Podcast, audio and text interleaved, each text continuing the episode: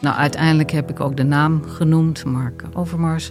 En toen hebben we lang over gesproken. En toen zei ik, heb je dat nou zelf ook wel eens meegemaakt?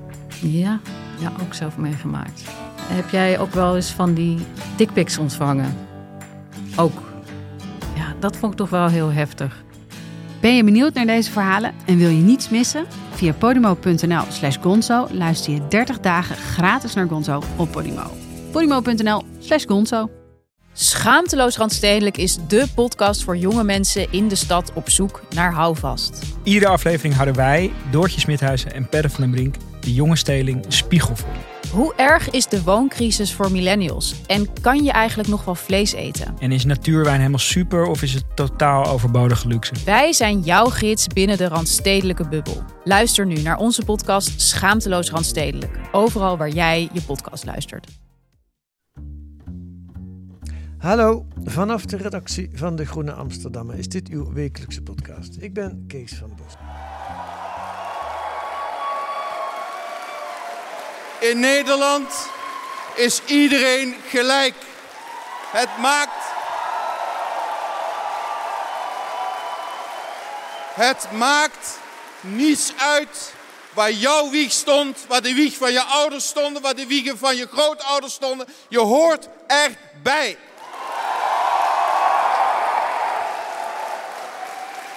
En ook zeg ik tegen mensen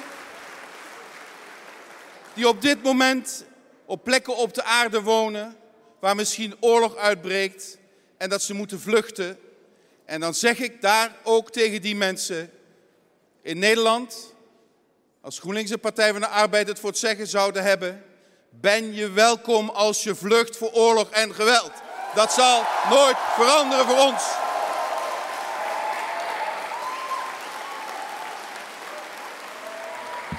Een geëmotioneerde Frans Timmermans. Op 22 november, de avond van de verkiezingen. Dat had je al gehoord, eh, Koen, denk ik, dat het die toespraak was. of niet? Ja, zeker, zeker. Ja, en ik was erbij die avond. Ja. Sommigen noemden het zijn beste speech van de hele campagne. Feit is wel dat hij niet eerder zoveel emotie in zijn woorden legde. GroenLinks en PvdA hebben gewonnen bij die verkiezingen. Maar wat nog veel belangrijker voelde, is dat ze niet de grootste partij zijn geworden. En natuurlijk dat de rechtsradicale PVV zo groot is geworden. Koen van Ven, politiek verslaggever van De Groenen, volgt het eenwordingsproces van GroenLinks en de PvdA al vanaf het begin. Deze week schrijft hij over dat verkiezingsresultaat. En hij noemt het een Pyrrhus-overwinning. Historische winst en toch verloren. Welkom in de podcast, Koen. Dankjewel. Je volgt het vanaf het begin. Terwijl ik het zelf las, dacht ik, waar ligt dat begin eigenlijk? Dat is een hele goede vraag. Je kan heel veel beginpunten aanwijzen. Je kan alle eerdere pogingen, je kan terug tot keerpunt 72. Je kan terug tot, er is een moment geweest in de Tolhuistuin, waar ook de SP toen bij betrokken was. Maar laat ik zeggen, voor dit, waar we nu naar kijken, wat zij zelf Verenigd Links noemen, neem ik eigenlijk als beginpunt altijd 2,5 jaar geleden. De formatie die uiteindelijk is uitgemond in Rutte 4. Ja. En dan zou ik zeggen, eh fundament, ja, dan een beetje symbolisch het tuinhuisje van Lilianne Ploemen. Daar zijn op een gegeven moment Lilianne Ploemen, toen nog partijleider van de PvdA, en Jesse Klaver bij elkaar gekomen. Ja. Die hebben elkaar toen echt aangekeken en gezegd, wij blijven elkaar vasthouden, het hele eh, formatieproces. En ehm, nou, er is veel, er heerst altijd veel sceptisch rondom links samenwerking, want dat is een hele oude droom en hij is nooit echt goed gelukt. Ja, of je moet toch de linksfusie pakken of terug eh, naar de ontstaansgeschiedenis van de PvdA zelf. Ehm, maar het wonderlijke is, we hebben elkaar wel vastgehouden. En we zijn nu 2,5 jaar verder. En ik probeer in verschillende afleveringen alle stappen daarin te volgen. En ook vanuit binnenuit, voor zover dat kan, te beschrijven hoe dat eruit ziet. Ja, ja, gaan we het zo over hebben. Maar ik kan er toch niet helemaal omheen om het over de huidige politieke situatie te hebben. Ja. De kabinetsformatie. We hadden het net over morgen ga je naar het Kamerdebat over de brief van eh Van Plasterk, Plasterk. ook een PvdA. Ook, op- ja, nog steeds hè? ja, ja, ja. Ja, ja. ja. En naar verluidt is nog altijd lid. Ja. Maar ehm, hoe kijk jij dan nou naar, naar die formatie? Wat er nu allemaal gebeurt? Eh, nou ja, ook dat probeer ik te volgen. Het komt er bij mij wel op neer dat ik vooral heel erg verslind wat veel van mijn collega's van andere redacties doen. Dus eh Mhm. bijvoorbeeld de NOS, Eén Vandaag, wie dan ook, Hart van Nederland, die staan daar.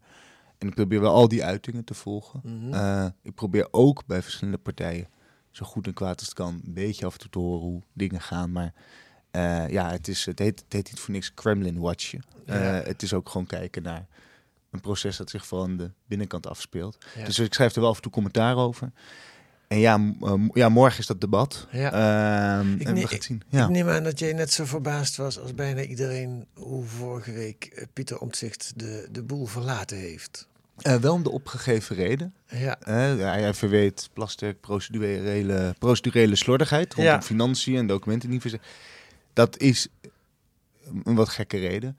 Waar ik, me helemaal, waar ik helemaal niet verbaasd over ben, is dat hij weg wilde van die tafel.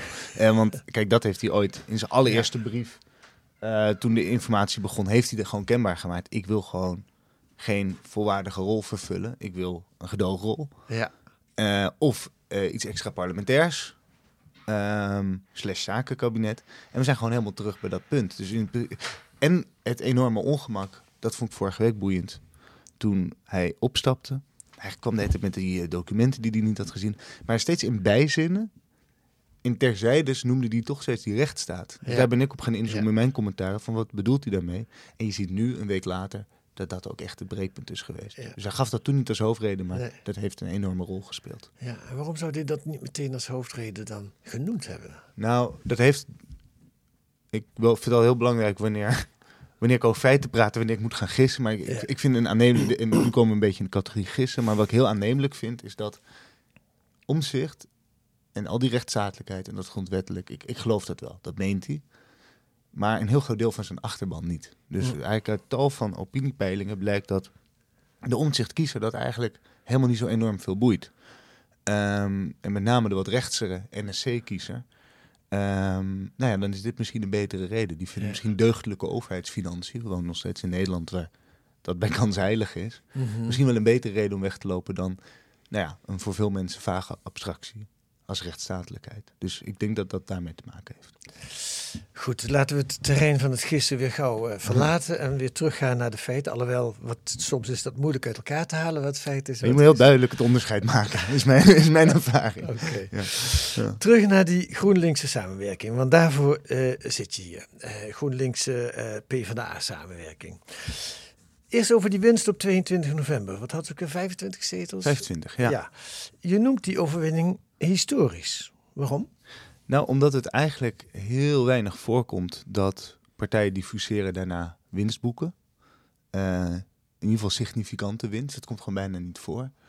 Ehm, kijk, je kan ook over dat getal kan je heel lang praten. Kijk, ze hebben altijd beloofd in zaaltjes, de afgelopen 2,5 jaar, toen al al die zalen kwam, zeiden ze 1 plus 1 wordt 3. Nou, dat is niet helemaal geworden. Nee. Maar 1 plus 1 is wel 2,5 geworden. Ja. Als in, eh, ze hebben gewoon bijgeplust. Ze hebben niet een per se... Ik vind het geen grandioze uitslag. Het is geen megazege. Ze hebben heel veel potentieel laten liggen. Uit allemaal onderzoeken bleek en uit eerdere peilingen. Het had echt meer kunnen zijn. Maar het is gewoon geen slechte uitslag. Zeker niet voor een fusiepartij.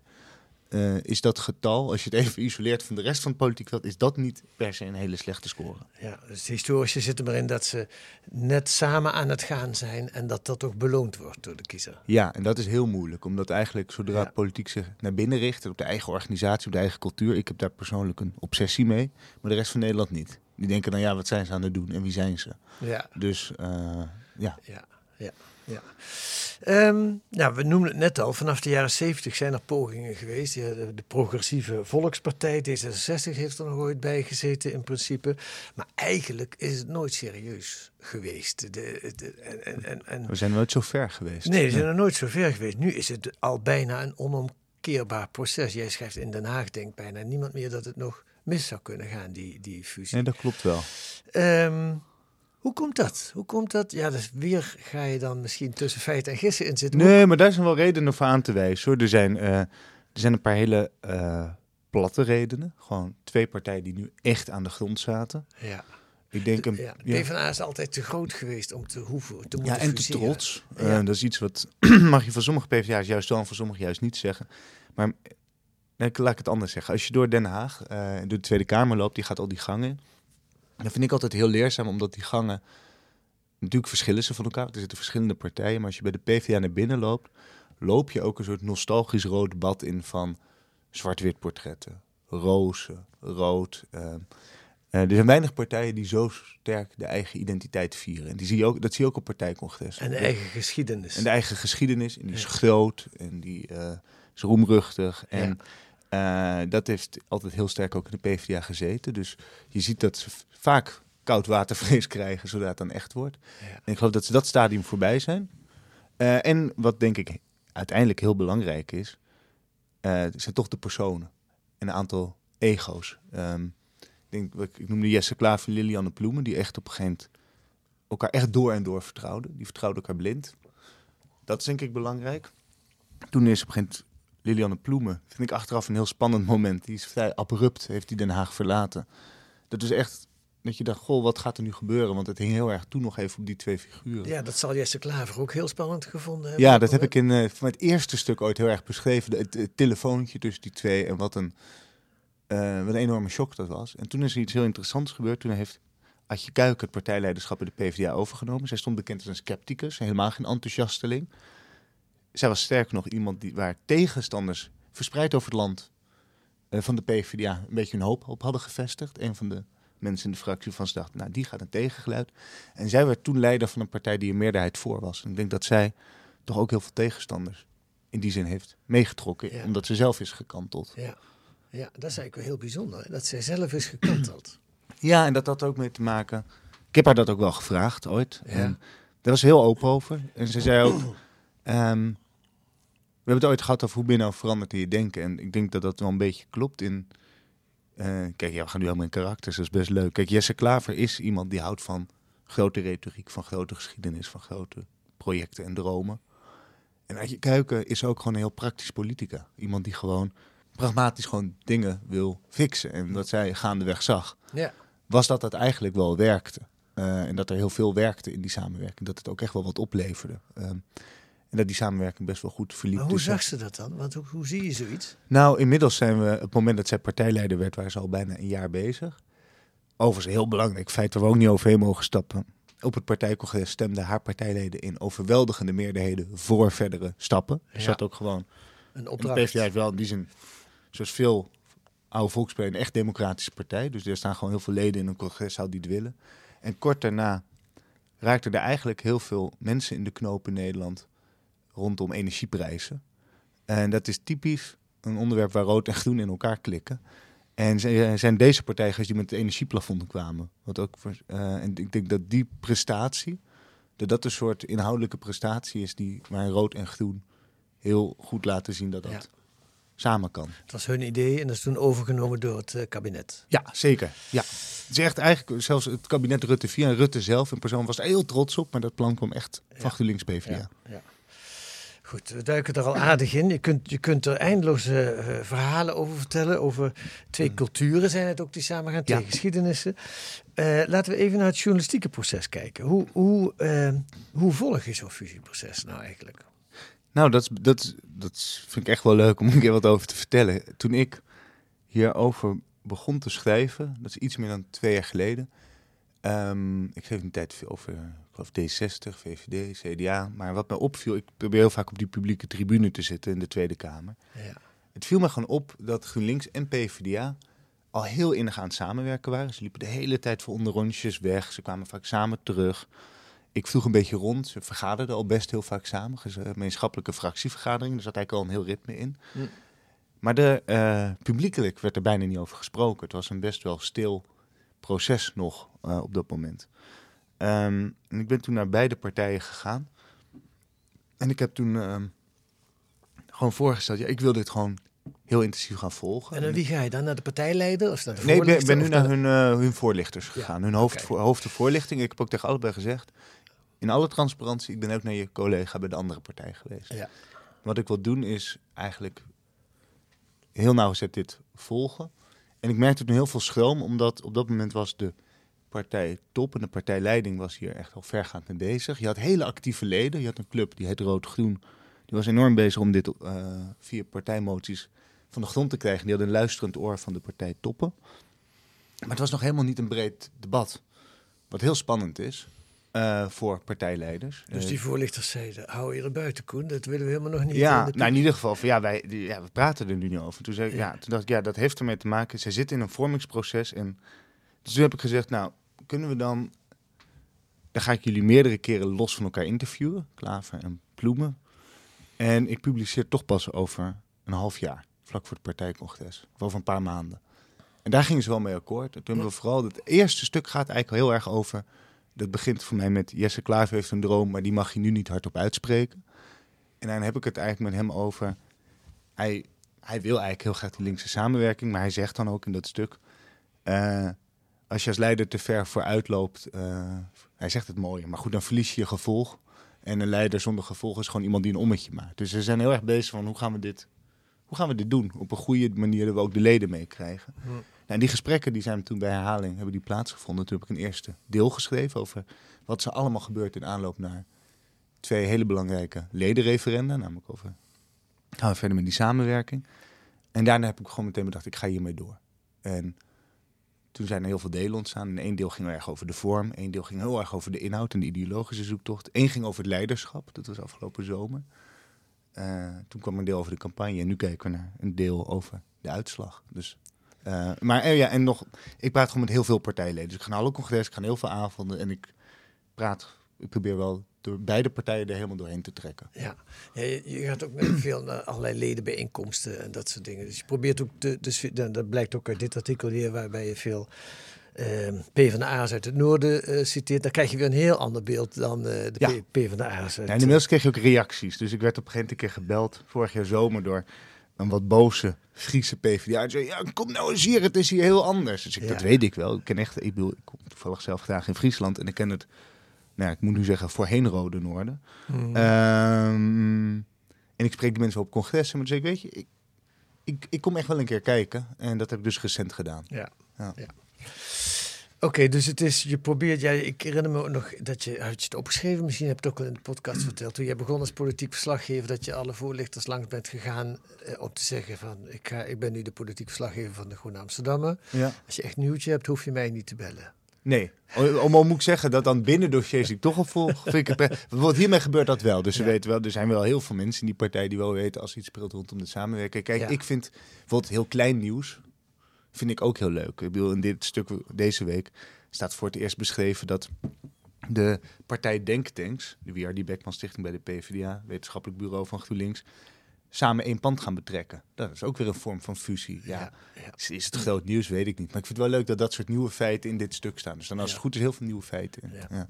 Nee, maar je bent natuurlijk, je bent een journalist, dus je bent niet echt vies van nieuws. Maar, Helemaal niet, Maar nee. dat is niet... Maar dat is niet mijn primaire drijfveer. Nee, Nee, dat, nee, dat klopt. Ja. nee.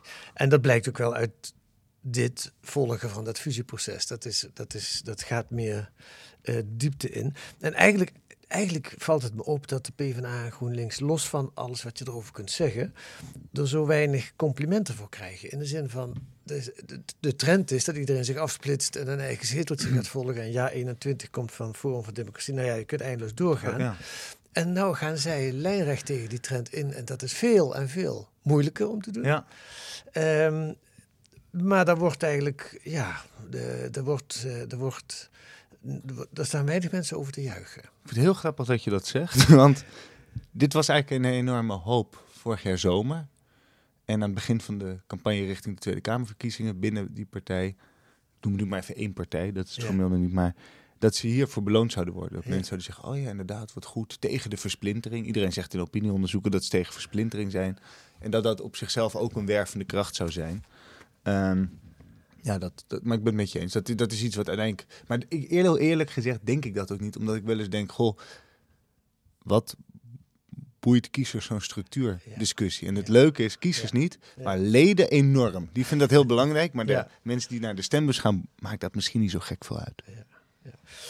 Goed, laten we nog even naar Timmermans luisteren. En, en aan de hand van een paar van zijn uitspraken ehm, dieper ingaan op de, op de kwesties te- van, eh, van die samenwerking. Hij komt eerst, dan zeg ik dadelijk eh, waar en wanneer die sprak. Ik heb het nog nooit zo meegemaakt hoor. En, maar ik kan er geen pijl op trekken of dit nou betekent dat ze eh, zullen slagen, niet zullen slagen. Maar het tekent wel, de manier van omgang met elkaar is niet gericht op het vinden van consensus. Is gericht op het markeren van de verschillen. En dit land, beste mensen, is, zolang het een democratie is, altijd op een of andere manier vanuit consensus, vanuit het midden bestuurd.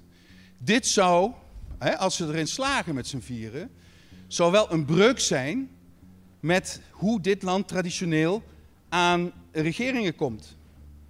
Het is soms wat meer richting links, soms wat meer richting rechts. Maar altijd zit er een element in van het midden van de samenleving in politieke zin dat daar een rol in heeft gespeeld.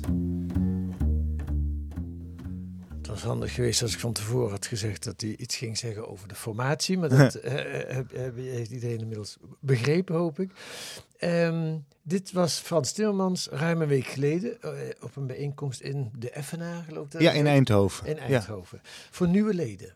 Ja. eh, eh, er zijn er veel. die, ja, 7000 eh, na de verkiezingen. Ja, meer dan ze. Ja, en ik heb Ja. het sommetje gemaakt, want ik heb ook gebeld van eh, even grofweg ongeveer 7500 nieuwe leden. En toen heb ik het sommetje gemaakt hoeveel zijn er weggegaan. Ja. Eh, maar die ongeveer een ledengroei van 8%. Dus je Ja. ziet dat eh, sinds die verkiezingsuitslag veel mensen zijn toegestroomd. Het viel mij op op die dag dat mensen ook heel erg naar Timmans komen met de vraag: wat gaat u aan Wilders doen? Dus Ja. dat is ook een soort Ja. tegenstem. Ja.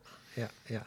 Nou, toen, toen, we, eh, toen ik de Timmermans dit hoorde zeggen, dacht ik, ja, is dat wel zo? Dus heb ik even opgezocht, hoe zat het met het meest linkse kabinet wat we ooit gehad hebben in Nederland van 72 tot 77, het kabinet Den Uil. En toen zag ik tot mijn stomme verbazing, want dat had ik heel anders onthouden, dat dat voor de helft uit eh, confessionelen bestond, het kabinet. Ja. Van acht bijvoorbeeld was daar Ja. minister van Justitie in. En dat links in die tijd, 72 bij de verkiezingen, ook maar 56 zetels had in de Tweede Kamer. Met andere woorden, bijna 100 zetels gingen naar niet links, de- veel meer Ja, middenpartijen natuurlijk. En dat is wel echt niet te vergelijken met de huidige situatie. Nee, dat is. Kijk, we begonnen. Je, je begon helemaal deze podcast met het verdriet van Timmermans. Dat was een hele verdrietige avond, die uitslagenavond. En dat is het mysterie wat ik in dit stuk wilde oplossen. Van, ik heb een partij gezien die die avond won. Zijn de ene grootste partij van Nederland. Zeven seconden hebben ze ervan genoten, Ja. begrijp ik. En daarna zijn ze, raakt ze helemaal in somberheid. Kort daarna moesten ze natuurlijk weer strijdbaar en Ja. trots door de Haagse gangen lopen. Even uitleggen, die zeven seconden, want daarna kwam de Ja, peiling voor oh de ja, dat moeten PVV. uitleggen. Je had, zo, ja, de- je had Rob Trip van de NOS, die begon inderdaad met het GroenLinks PvdA. Iedereen juichen en toen kwam de uitslag van de PV en toen... Weg was het. Ehm. En ik wilde wel op zoek naar hoe huizen die twee emoties nu in één partij. En de vraag daarbij is, ben je trots op je eigen winst of verdrietig over de algehele staat van links? Dus het, ze noemden zichzelf Verenigd Links. Nou, we hebben al vastgesteld, dat hebben ze goed gedaan. Maar links progressief, dus dan neem ik D66 zelfs mee, is sinds 1925 niet zo klein geweest in dit land. Ja. Dus je zou zeggen, links progressief, dat, dat blok, delen altijd Nederland op in drie blokken. Eh, links progressief, centrum rechts en radicaal rechts tegenwoordig. Dat eerste blok is eh, nou, in bijna een eeuw niet zo klein geweest. En dat is wel de zoektocht in dit stuk geweest van hoe komt dat? Hoe gaan ze daar, nou, niet eens hoe komt het, hoe gaan zij daarmee om? Hoe verhouden zij Ja. zich tot die realiteit? Ja. En dan proef je dat onder de trots op de eigen uitslag wel diepe zorgen leven. En die laten zich, vind ik, heel mooi samenvatten in waarom stemmen de mensen waarvoor ze zeggen het te doen niet meer op ze. Eh, en dat zijn lage opgeleide of praktisch opgeleide, dat zijn de minderverdieners. eh en dat, dat is wel een soort constante trend. Dat komt niet per se door de samenwerking, maar de samenwerking vergroot dat wel. Ja. Het, het- dat lukt nog niet. Nee. Nee. nee, dat is een intrigerende vraag. Ja, sowieso is de intrigerende vraag de neoliberale golf van 30, 40 jaar die over ons gegaan is, die lijkt een beetje op zijn eind. En dan zou je verwachten, dan komt er een heel sterke linkse beweging, want die, kunnen, die hebben altijd, nou ja, niet altijd, maar veel die, die neoliberale golf eh, bekritiseerd. Het probleem van de PvdA is dat ze er een heel klein beetje deel van uitmaken. Dus dat maakt het voor Ja. hun wat ingewikkelder, maar toch. Maar eh, eh, aan het eind van die golf is links kleiner dan het, wat jij, jij, jij zegt, het is sinds 1925 ooit geweest is. Wonderlijk, wonderlijk. Nou, daar kunnen we, dat is een andere podcast, ellenlang over filosoferen hoe dat komt. Maar wat ik wel interessant vind, hoe denken ze binnen de PvdA en GroenLinks dat dat komt? Want het hoeft niet per se te kloppen met elkaar, maar wat, wat is hun analyse, hun eigen analyse? Nou, wat, wat eigenlijk, eh, wat ik heel interessant vind, is dat ze hebben. er is eigenlijk niemand die twijfelt aan het programma en over de inhoud. Nee. En, en om, laat ik dat ook gewoon eens een keer gewoon hardop zeggen. En voor mij moet je dat ook niet doen. Ik bedoel, dat programma was hartstikke links. Het is doorgerekend door het CPB. Ik bedoel, het levert voor de mensen voor wie ze zeggen te leveren. Dus misschien is dat ook niet de interessantste discussie. Waar ze Mhm. wel zorgen over hebben is... is een soort toon, sentiment, presentatie. Eh, op een gegeven moment, dit stuk trekt langs allemaal voorheen rode plekken in Nederland, eh, waar ze massaal op de PV hebben gestemd. En ehm, op een gegeven moment kom ik in Pekela. Nou, dat is een hele bekende plek in Nederland, omdat dat gemiddeld de laagste inkomens heeft. Ehm, ja, daar zat ik op een gegeven moment in een café met wat mannen. Die, is, ja, ik vind het eigenlijk wel een wonderlijk verhaal. Ik kom daar binnen om, op donderdagmiddag om twee uur. Een uurtje later had ik een interview met de burgemeester van Pekela. En ik dacht, ik ga even een kop koffie drinken. Vier mannen aan de bar met eh, biertjes. En zonder dat ik de aanstichter ben, hebben ze het over het energieplafond. En dat ging over, is dat er deze maand nou nog wel of niet? En, eh, en eh, nou ja, hoe zit het nou? Daar hadden ze het over. En ik zei op een gegeven moment, ik wachtte expres een paar minuten. En toen zei ik, nou ja, nee, dat is er niet meer sinds 1 januari. Dan zo, oh shit, ja. Hm. Daar werd echt van gebaald. Ehm, nou, wij zaten daar en ik zat even koffie met ze te drinken. En op een gegeven moment zei ik na een tijd van, goh, wat zie je eigenlijk gebeurt in het dorp en de electorale omslag. En eh, toen kwam er best veel gedoe over, ja, links vind ik elitair en ik heb niets met die mensen, ik geloof ze niet en weet ik wat. Ja, heb ik gezegd, helemaal goed, zoiets als het energieplafond waar jullie net zo druk over maakten, dat was een links plan.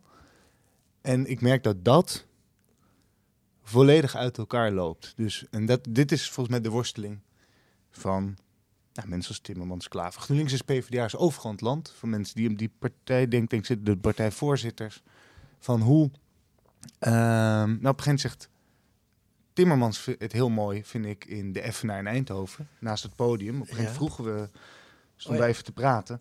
En toen zei hij, eh, en ik stond naast een lid dat van alles wilde weten. Toen zei Timmermans, als Wilders iets mee heeft, dan is het dat een groot deel van de bevolking denkt, hij snapt ons. En dan zegt hij later, mensen weten, Wilders levert niet, maar hij voelt ons wel. Bij ons is dat omgedraaid. GroenLinks PvdA levert wel, maar ze voelen ons niet. Ik hoop dat we dat als beweging kunnen veranderen. Ja. En dat, dat is wel de, de worsteling die je best wel breed in die partij ziet. Maar ja, ja, ja. En, en dat. ehm, ik merk dat ik dat moeilijk doorgeslikt krijg als echte reden. Dus is dat. eh, eh, daar zit iets achter van. En, en voor een deel klopt dat natuurlijk. Eh, de, de mensen aan de onderkant van de samenleving hebben meer te halen bij linkse partijen dan bij rechtse partijen. Ehm, ehm, en toch stemt een derde van mensen die zichzelf, zichzelf arbeider noemen, stemt op de PVV. Ja. Eh, blijkt uit de kieswijzer. Eh, hoe kan het? Hoe kan het dat je iets, dat je iets te bieden Ja. hebt en dat het je niet lukt om dat te vertellen? Nou, wat de verklaring is van onder meer Timmermans, ook het stuk is hij... En kijk, er is iets heel mysterieus gebeurd in deze campagne. En dat is dat ehm, links is, heeft in ieder geval heel lang geen regeringsmacht meer. Dat is Nee. wel burgemeester in Nederland, maar laten we even ons focussen op Den Haag. Links is eigenlijk al heel lang het systeem niet meer.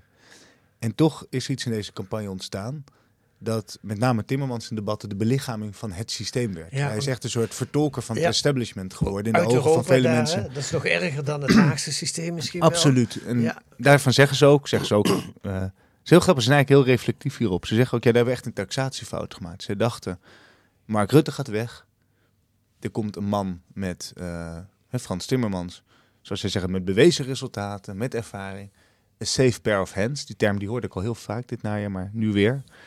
En dit wordt voor Nederlanders een manier om weer op een soort rust en stabiliteit en wat GroenLinks PvdA betreft een koerswijziging te stemmen. Wat ze hadden onderschat was dat mensen het systeem als zodanig weg wilden. Dus we hebben eigenlijk een enorme anti-systeemstem gezien in Nederland, een anti-establishment stem. En op een hele rare manier zijn zij de vertolker of de Ja. belichaming van dat systeem geworden. Ja. Terwijl ze het niet waren. Dus Ja. even nog een historische vergelijking. Begin deze eeuw met de Fortuinrevolte. eh kreeg je ook een enorme haat richting links. Maar dan kon je in ieder geval nog zeggen... ja, links was in ieder geval wel tien jaar lang... hadden ze de premier geleverd. Ze waren het systeem geweest. En Fortuyn ging ook daarom tekeer, de puinhopen van Paars. Ja, en dat is... Ik merk, dat houdt mensen enorm bezig in de partij. Van, van zijn we niet te veel eh, het systeem? Ja, ja wonderlijk.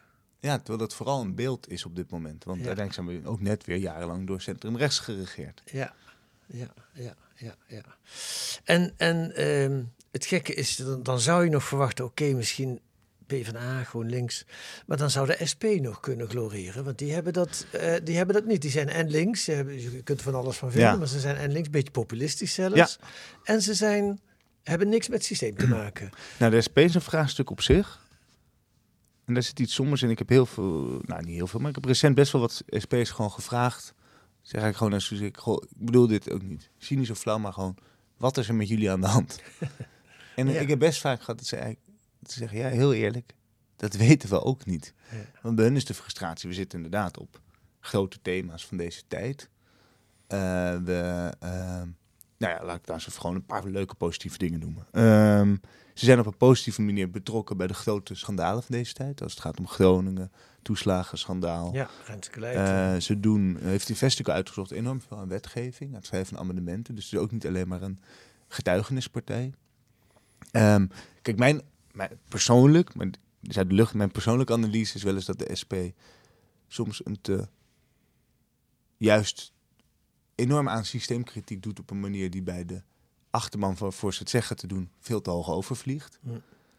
En dat ze een verhaal houden dat intellectueel gezien te dun is en weer te laag vliegt voor mensen die echt geïnteresseerd zijn in de marxistische analyse. Ik heb heel vaak dat ik naar debatten kijk en ik denk, aan wie, aan wie, tegen wie praten ze eigenlijk? Ja. Ehm, en, eh, maar goed, ze hebben nu een nieuwe leider, dus misschien dat dat eh, wat anders gaat doen. Maar goed, ja, dat is hun worsteling. ja, ze zouden met GroenLinks PvdA samen kunnen gaan misschien. Maar dat, dat, dat, dat toch... Eh, nou, daar kan je iets over. Nou, dat, dat, dat, merk dat bij GroenLinks PvdA zit een enorm verlangen al heel lang om de SP er op den duur bij te trekken. Het liefst eigenlijk op een gegeven moment zowel de SP als D60, omdat ze ook wel voelen.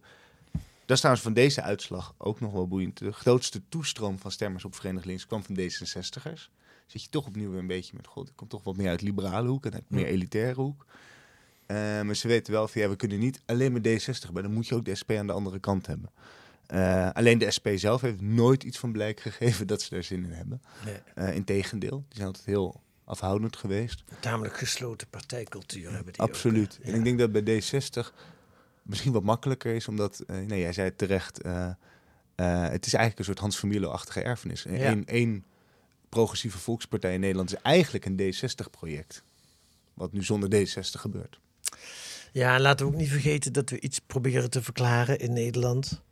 Wat over heel Europa spoelt. Wat in veel meer landen gebeurt. Dus met andere woorden, de verklaring ligt niet alleen in Nederland voor dat opkomen Nee. van radicaal rechts.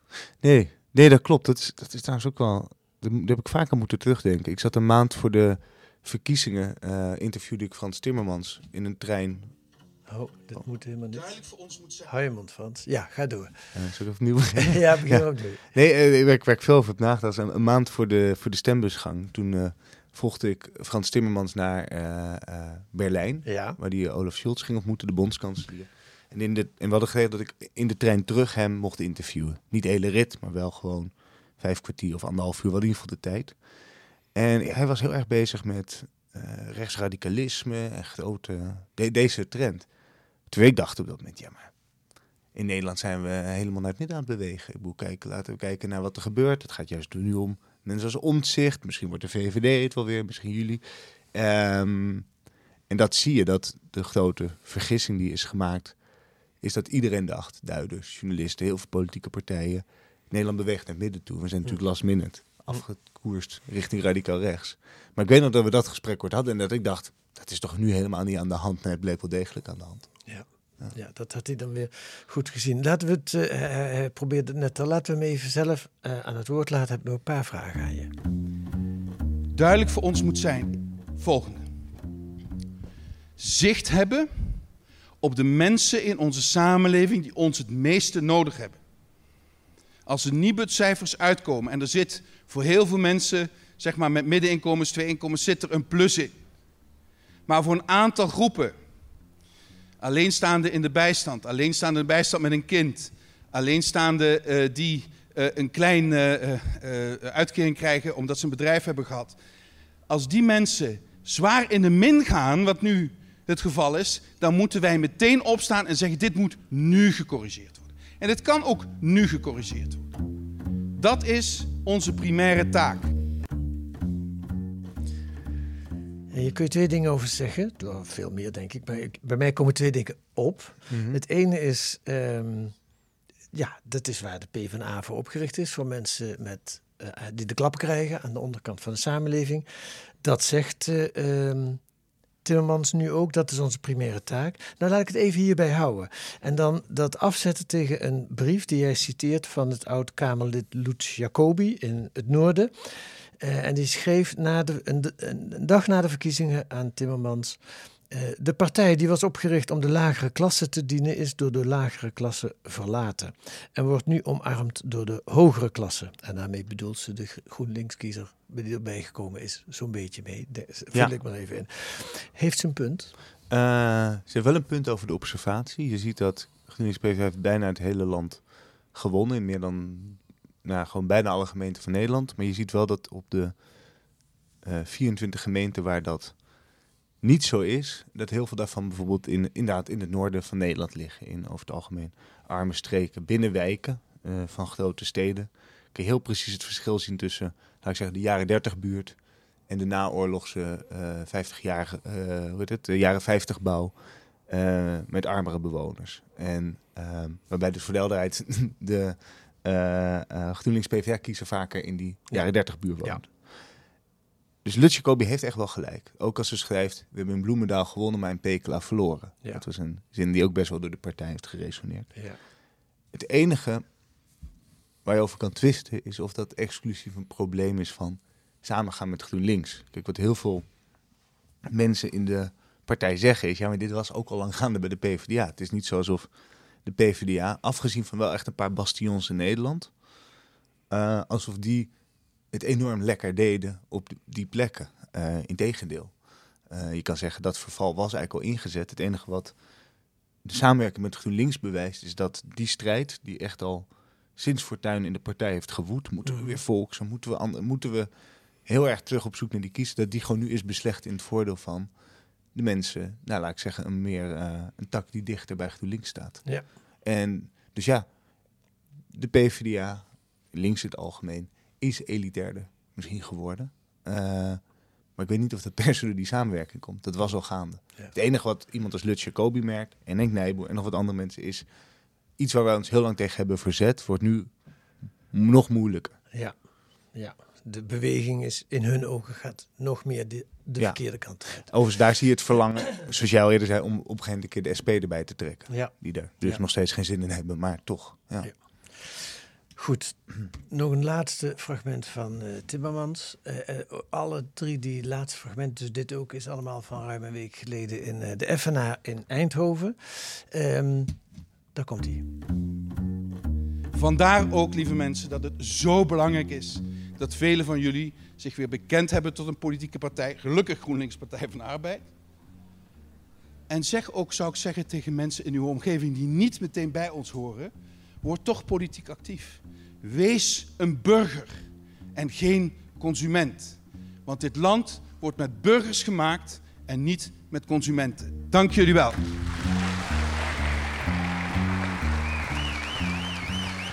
Hier horen we, wat mij, dit was het einde van zijn speech toen en daarna kwamen de vragen uit de zaal, neem ik aan. Wat, wat me opvalt in dit fragment uh, is eigenlijk, hier horen we de, de vriendelijke Timmermans, op het midden gericht. Niet, mm. um, terwijl, uh, uh, als het dan gaat waar je net zei, hè, over het gevoel, de buik, waarom, waarom hmm. dan, dan wil ik toch liever een linkse leider horen die het heeft over klassenstrijd en over strijd en over. Ja. Uh, dat is zo ver weg bij dit uh, betoog, waar verder niet veel op aan te merken is. Ja. Ja, ik zit te denken of het niet verderop in de speech wel is. Maar, maar het klopt, dit, dit is ook iets wat heel veel is gezien. Uh, dat is namelijk ook nog wel interessant om te markeren. Kijk, dus niet het stuk dat deze week in de Groene stond, maar het vorige stuk over de campagne begint met als eerste zin. Frans Timmermans is altijd een sentimentele politicus geweest. En dat is ook zo. Het is een man die uh, makkelijk geëmotioneerd is, die grote speeches niet schuwt. Die, het, is ook, het is ook gewoon echt een emotionele man. Uh, toen hij terugkwam in Nederland, uh, deze zomer, vorige zomer dus, toen heeft hij heel veel advies gekregen. Doe rustig, doe kalm, niet te confrontationeel. We moeten juist we moeten dat midden opzoeken. En dat midden Die safe pair of hands ook. Die safe pair of hands. Ja. En dat, uh, overigens ben ik het helemaal mee eens dat als links iets wil, dan moet je altijd richting het midden je kiezers vinden. De vraag is alleen, hoe doe je dat? En de, het idee was hierbij, en dat, je had een campagne waarin heel veel, vaak hardop tijdens het debat een compromis werd gesloten. Er werd een jaartal voor stikstof even losgelaten. Of er werd gezegd tegen Van der Plas, wij komen er wel uit samen. Of hm. ik wil graag een alliantie tussen, wat was het, boeren en boswachters. En Timmans was dus heel erg bezig met in de ogen van sommigen, hè, dus niet eigen analyse, maar met het behagen van het midden. Terwijl er zijn ook heel veel mensen zeggen, nee, we moeten ons wel op het midden richten, maar we moeten dat midden naar ons toe schreeuwen. Door een taal van strijd te hanteren, die Ja. ook gewoon middenkiezers zou kunnen aanspreken. Eh, nou, daar zit wat in, wat bijvoorbeeld waar je kan zien. eh, kijk, er zijn bijvoorbeeld ook mensen die hebben op eh, de partij van Pieter Omtzigt gestemd. Om eh, sociaal-economische redenen, om linkse redenen. Nou, je Hm. kan je afvragen. eh, dat, dat debat woedt nu. Hoe komen Ja. die mensen Ja. tot je? En wat heel erg inderdaad op die avond van de verkiezingen, wat je daar zag, en dat is trouwens ook binnen de partij heel erg gezien, is misschien was dit eigenlijk wel, is dit veel meer de toon die we moeten hebben. Ja. Ehm, nog, wat ik ook heel grappig vind, maar dan is voor, wel voor de politiek liefhebber, het wemelt binnen beide partijen, ook van de rapporten die dit al heel lang beschrijven. Het Van Waarde rapport van tien jaar geleden bij de PvdA, eh, staat zoiets in. Ehm, de laatste evaluatie bij GroenLinks van de eh, verkiezing van 2021 had als voornaamste kritiek, wij zijn te technocratisch geweest. We hebben de hele tijd beleid in stelling gebracht en geen emotie. Terwijl mensen kiezen uiteindelijk met hun buik. Ja. Misschien met hun hart, maar uiteindelijk niet echt met hun hoofd.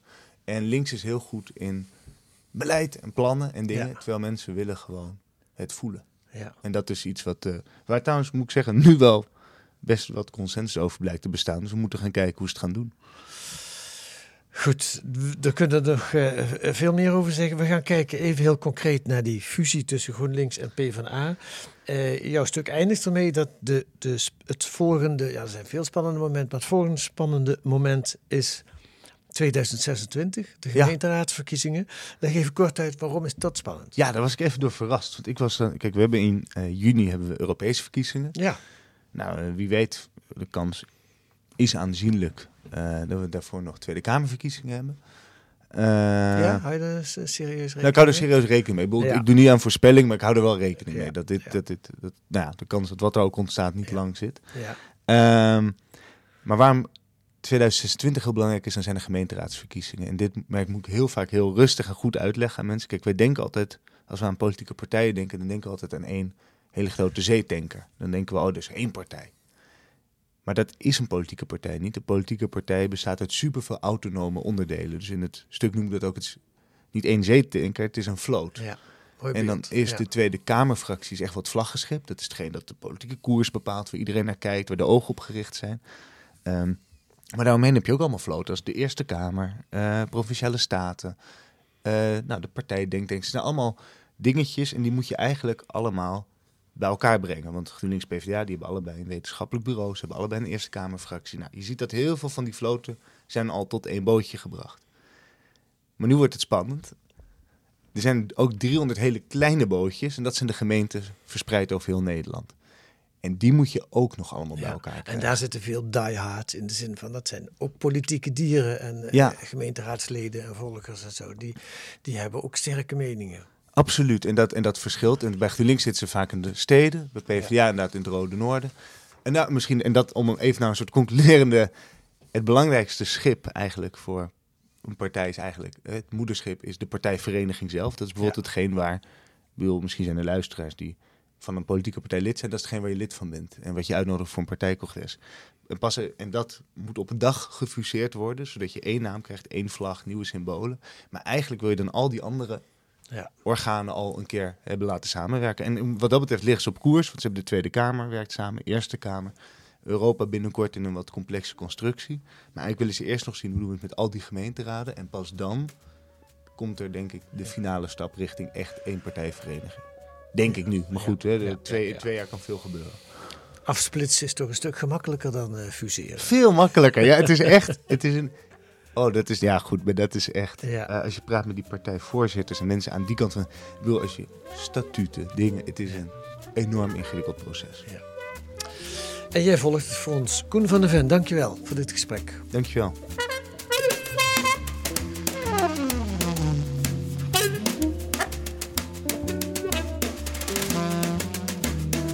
Lees deze week in De Groene ook een profiel van Elon Musk, de oprichter van Tesla. Hij kocht twee jaar geleden Twitter, dat zal u niet ontgaan zijn. En hij doopte het om in X, dat is nog steeds een beetje wennen. En sindsdien komt er stoom uit zijn oren als de tweets van een ander meer likes krijgen dan die van hemzelf. En om dit te voorkomen knoeit hij desnoods met algoritme. En een onderzoek naar de lucratieve emissiehandel van Shell. Emissiehandel, dat is handel in de rechten om CO2 uit te stoten. Door slim te speculeren heeft de oliegrootmacht netto nog nooit wat hoeven te betalen voor haar emissierechten. Realiseer je dat, Shell. Sterker nog, het bedrijf heeft er in tien jaar tijd 350 miljoen euro minstens aan overgehouden. Wonderlijke wereld. U kunt het lezen met een abonnement of een proefabonnement. Ga dan naar groene.nl. Daar staat uitgelegd hoe u 10 weken de groene kunt krijgen voor 15 euro. Groene.nl. Wilt u reageren op de podcast, dan kan dat per mail podcast.groene.nl is ons adres.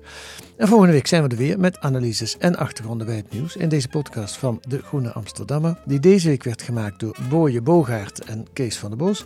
De muziek is een tune van Paul van Kemenade. Tot volgende week.